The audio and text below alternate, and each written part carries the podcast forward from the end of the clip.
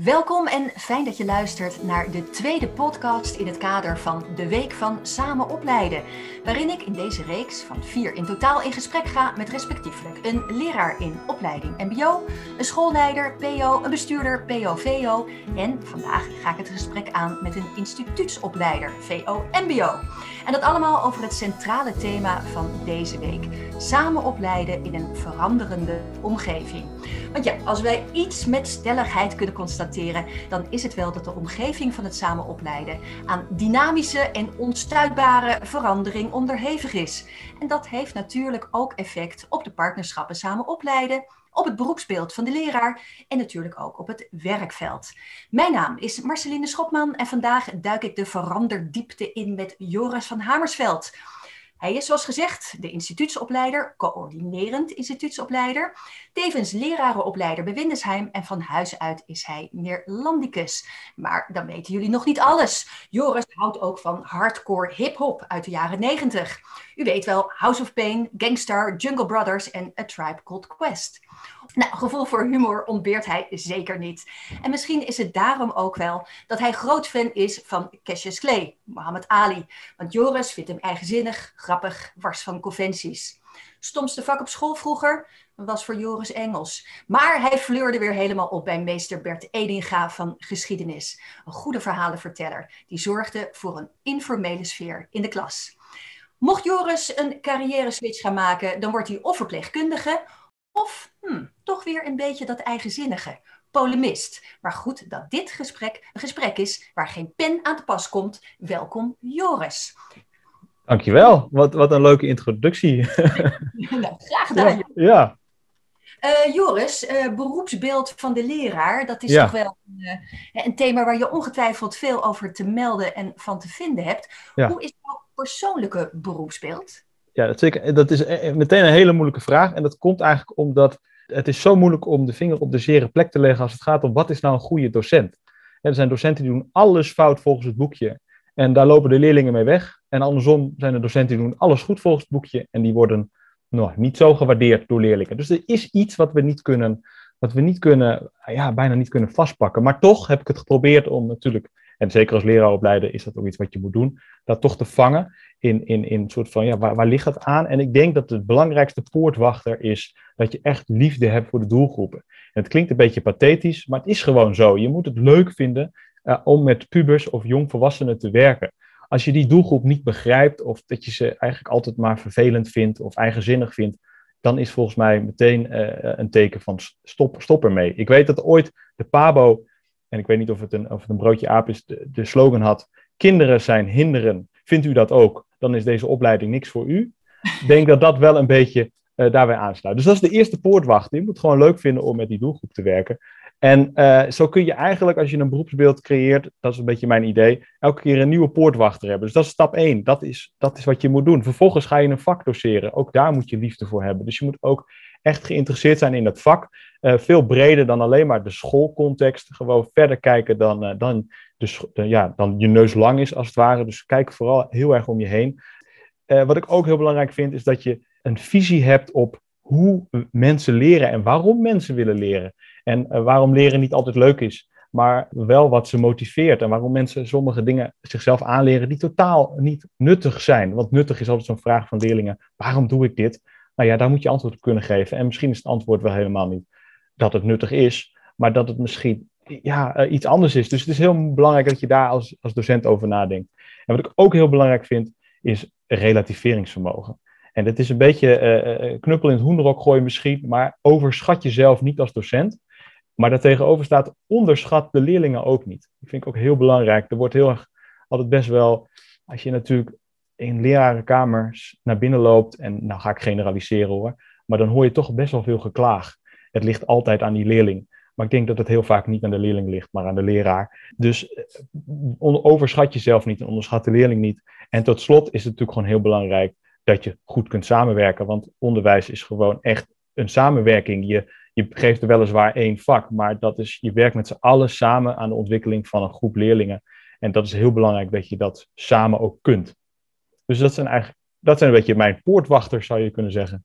Dat zijn hele poortwachters? Ja, ja, ja, ja. deuren doen openen voor het onderwijs. Ja. Uh, verandering in het onderwijs. Uh, maar als je dan kijkt naar het uh, beroepsbeeld, hè, zoals dat nu is, is neergelegd vanuit partnerschap, hè, wat is vastgesteld. Ja. ja. Poortwachters voor jou, zie je die daar al in terug? Of zeg je nou zo? Ja, nou, nee, helemaal niet. Ik, ik denk dat het wel mooi is. We hebben, we hebben ze eigenlijk proberen te vangen, ook in een aantal pijlers. Van oké, wat en dat is eigenlijk een beetje vergelijkbaar met die poortwachters. En, en één daarvan is ook hard voor de leerlingen. Je hebt hard voor de leerlingen, dus dat is eigenlijk meteen mijn eerste poortwachter. Die staat weliswaar punt 4, maar ik denk niet dat ze in een, staan in, denk ik, in een willekeurige volgorde. Wat er ook staat is betekenisvol en inspirerend onderwijs kunnen verzorgen. Nou, dat heeft natuurlijk alles te maken met dat je liefde hebt voor dat vak. Hè, kijk, uh, ik, ben zelf een Nederlandicus. Ik heb jarenlang Nederlands gegeven op een middelbare school. En dan heb je een methode. En een methode die mag volgens mij nooit leidend zijn. Een methode is een, is een middel om, uh, om dingen uit te halen die je zou willen gebruiken in je eigen curriculum. En het is niet het curriculum zelf. En dat is heel belangrijk. Dus dat je gaat zoeken naar wat heb ik nodig om die visie van mij op dat vak vorm te geven. Dus ik kijk, ik kijk ook in de kranten welke artikelen zijn leuk, of welke boeken kan ik nu bespreken, of welke actuele thema's kan ik nu bediscussiëren. Om maar gewoon te zorgen dat dat vak inspiratievol wordt. En dat je daar ook vanuit je eigen hart over kunt praten. En dus niet omdat iemand zegt dit zijn de eindtermen, zo moet jij je Nederlands gaan geven. Maar vooral dat je denkt, maar wat vind ik nou eigenlijk belangrijk en waarom vind ik dit nou zo'n prachtig vak? En dat staat ook heel hoog in het vaandel bij ons. Ja, en wat ook belangrijk is, dat we vinden dat studenten zich breed oriënteren. Je wordt in eerste instantie docent. En dat, daar kun je natuurlijk van verschillen in visie. Van, ja, ben je nou een vakdocent meteen of ben je een docent? En wij vinden toch, ja, je kiest echt voor een beroep.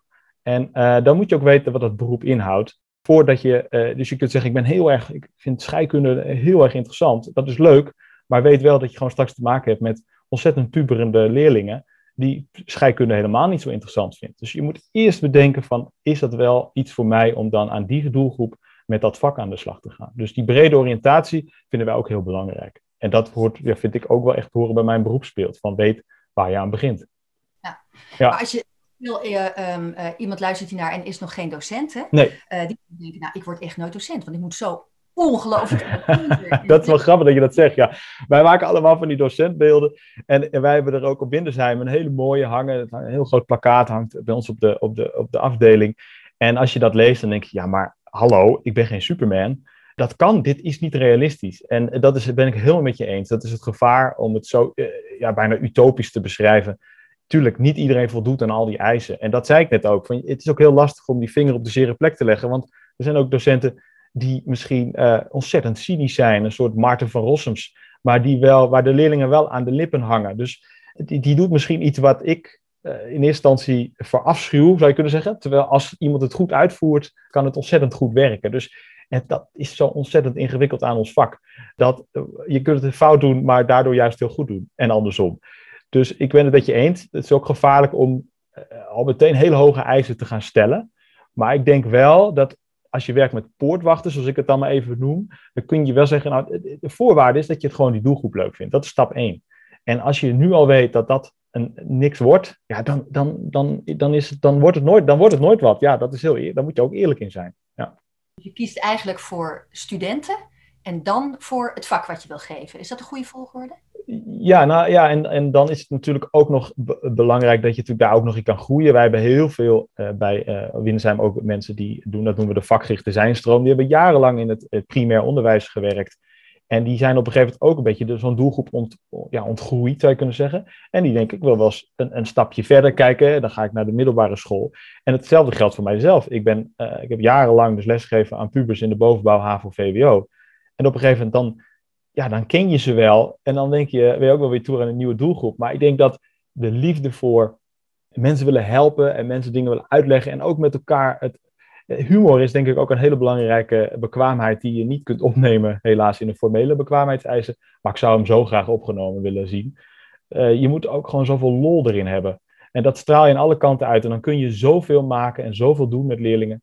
Dan zijn al die al die, eh, die, theoretische regeltjes met betrekking tot theorie en, en didactiek zijn bijna ondergeschikt als je er maar gewoon lol in hebt. Ja. En ja. wat jij nu eigenlijk allemaal noemt, hè, want je noemt echt heel, heel mooi ja, ja. poortwachter, zeg maar. maar binnen het opleidingsprogramma. Uh, maar dat is dus ook op de werkplek, hè? dus ook je werkplekbegeleiding. Ja. als uh, docent en opleiding, dat je ook daarin op die punten eigenlijk meegenomen wordt. Maar dan moeten je collega's die daar begeleiden dat ook wel omarmen.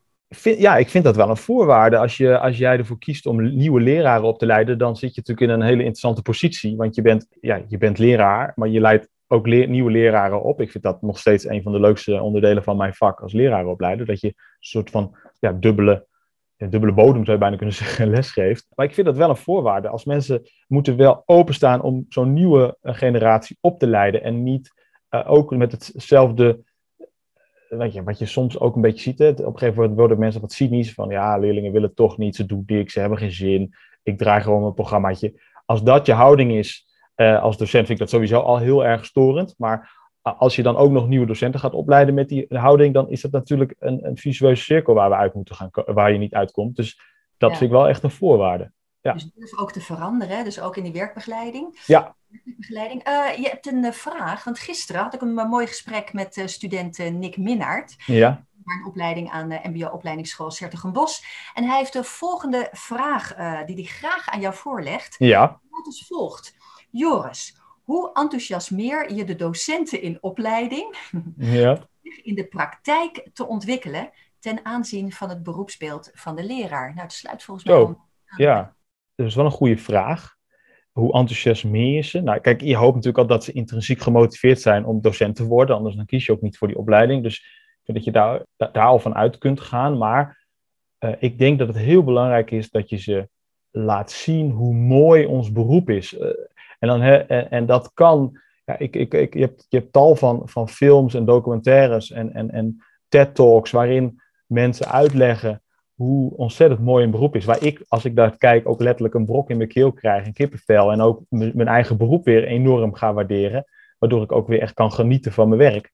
En dat heb je soms ook even nodig. Dat je gewoon even hoort hoe ontzettend mooi je beroep is. En ik vind het mooi om met studenten, dat doe ik ook regelmatig, dat soort filmpjes of, of, of YouTube-filmpjes of wat het, waar we ze ook vandaan halen. En ik vraag ook de studenten vooral om ze zelf ook op te duikelen, om die aan elkaar te laten zien en met elkaar het gesprek erover te hebben. Van hey, wat, waarom is een docent, waarom is het nou zo'n prachtig beroep? En welke aspecten komen erbij kijken? Je hebt, op, je hebt een hele mooie speech van. Uh, uh, Dan moet je afronden, Joris. Ja, oh sorry, ja.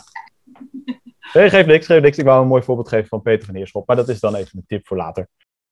Ja, ja Peter Heerschop die komt natuurlijk regelmatig bij congressen langs. Dus dat is alleen maar mooi. Die gaan we allemaal kijken, zijn filmpjes. Ja. Um, ja, en belangrijk nog even ter duiding voor jou ook. Nick stelde deze vraag, omdat hij zei van, weet je, er is in de flyer prachtig beschreven uh, de theorie en de opzet. Maar hoe er nou precies mee aan de slag te gaan in de praktijk, ja. dat mist hij nog. Dus ja. daar, daar, ook zijn vraag. Uh... Ja, nou dat begrijp ik heel goed. Want daar lopen wij altijd tegenaan. Je hebt een prachtig concept en je hebt een prachtig ideaal. En uiteindelijk kom je in de weerbarstigheid van de praktijk terecht, waar niet iedereen tijd en ruimte heeft om er zo naar te kijken. En, en daar komen studenten, die hebben het meest contact met werkplekbegeleiders, die gewoon in een sneltreinvaart hun roosters moeten doen, hun klassen moeten draaien, hun proefwerken moeten nakijken. Die hebben geen tijd om op conceptueel niveau de hele tijd te kijken naar het opleiden van leraren. Dus dat, begrijp ik heel goed. En uh, dat, dat is ook iets waar wij als partnerschap ook heel erg mee bezig zijn. Van hoe gaan wij hoe gaan we die leraar, die werkplekbegeleiders toch meenemen in die visie en in het opleiden van uh, studenten. Dat is mooi. Oké, dat is een mooie uitdaging. Uh, nog meer verandering, dat komt er alleen maar, wordt verder ontwikkeld. Het mooie is, jij mag ook een vraag stellen. Ja. Uh, en jouw vraag die gaat naar Gerry Ampersen, bovenschool schoolopleider bij Basisburen, lid van het programmateam met de Hogeschool Utrecht en meer scholendirecteur in Midden-Nederland. Wat is jouw vraag aan Gerry? Nou, mijn vraag is, er wordt de laatste jaren heel veel aandacht besteed aan de pedagogische basis. We vinden het heel belangrijk dat het veilig leerklimaat is en, en dat, onderstreep ik van harte. Maar wat je natuurlijk tegelijkertijd ook hoort, is dat de basis van sommige leerlingen echt te laag is. Lage geletterdheid, er wordt weinig gelezen, de rekenvaardigheid schijnt slecht te zijn. Zijn allemaal onderzoeken. Dus ik ga er dan maar even van uit dat dat toch wel redelijk klopt. Dus mijn vraag is, als je dan hebt over beroepsbeeld voor een, een, een docent in het PO, dus in het primair onderwijs, wat moet de verhouding eigenlijk zijn tussen uh, vakkennis en vakdidactische kennis en de pedagogische basis. Um, dus dat ja, ben ik heel benieuwd naar hoe, hoe een, uh, een schoolleider uit het PO daar naar kijkt. Mooi, we gaan de vraag voorleggen aan uh, Gerry. Dus ga vooral ook haar podcast beluisteren, Joris. Ja. Joris, Dankjewel. Uh, alle luisteraars, ook dank voor het luisteren naar deze tweede aflevering van de podcast in het kader van de week van samen opleiden in een veranderende omgeving. Nou, voel je vooral vrij deze podcast te delen met anderen, want samen opleiden doe je natuurlijk samen. Je vindt ons online via de nieuwsbrief en de website van Platform Samen Opleiden en ook in jouw podcast-app. Heel graag tot morgen bij het podcast-interview met schoolopleider Gerry Ambersen. Dag!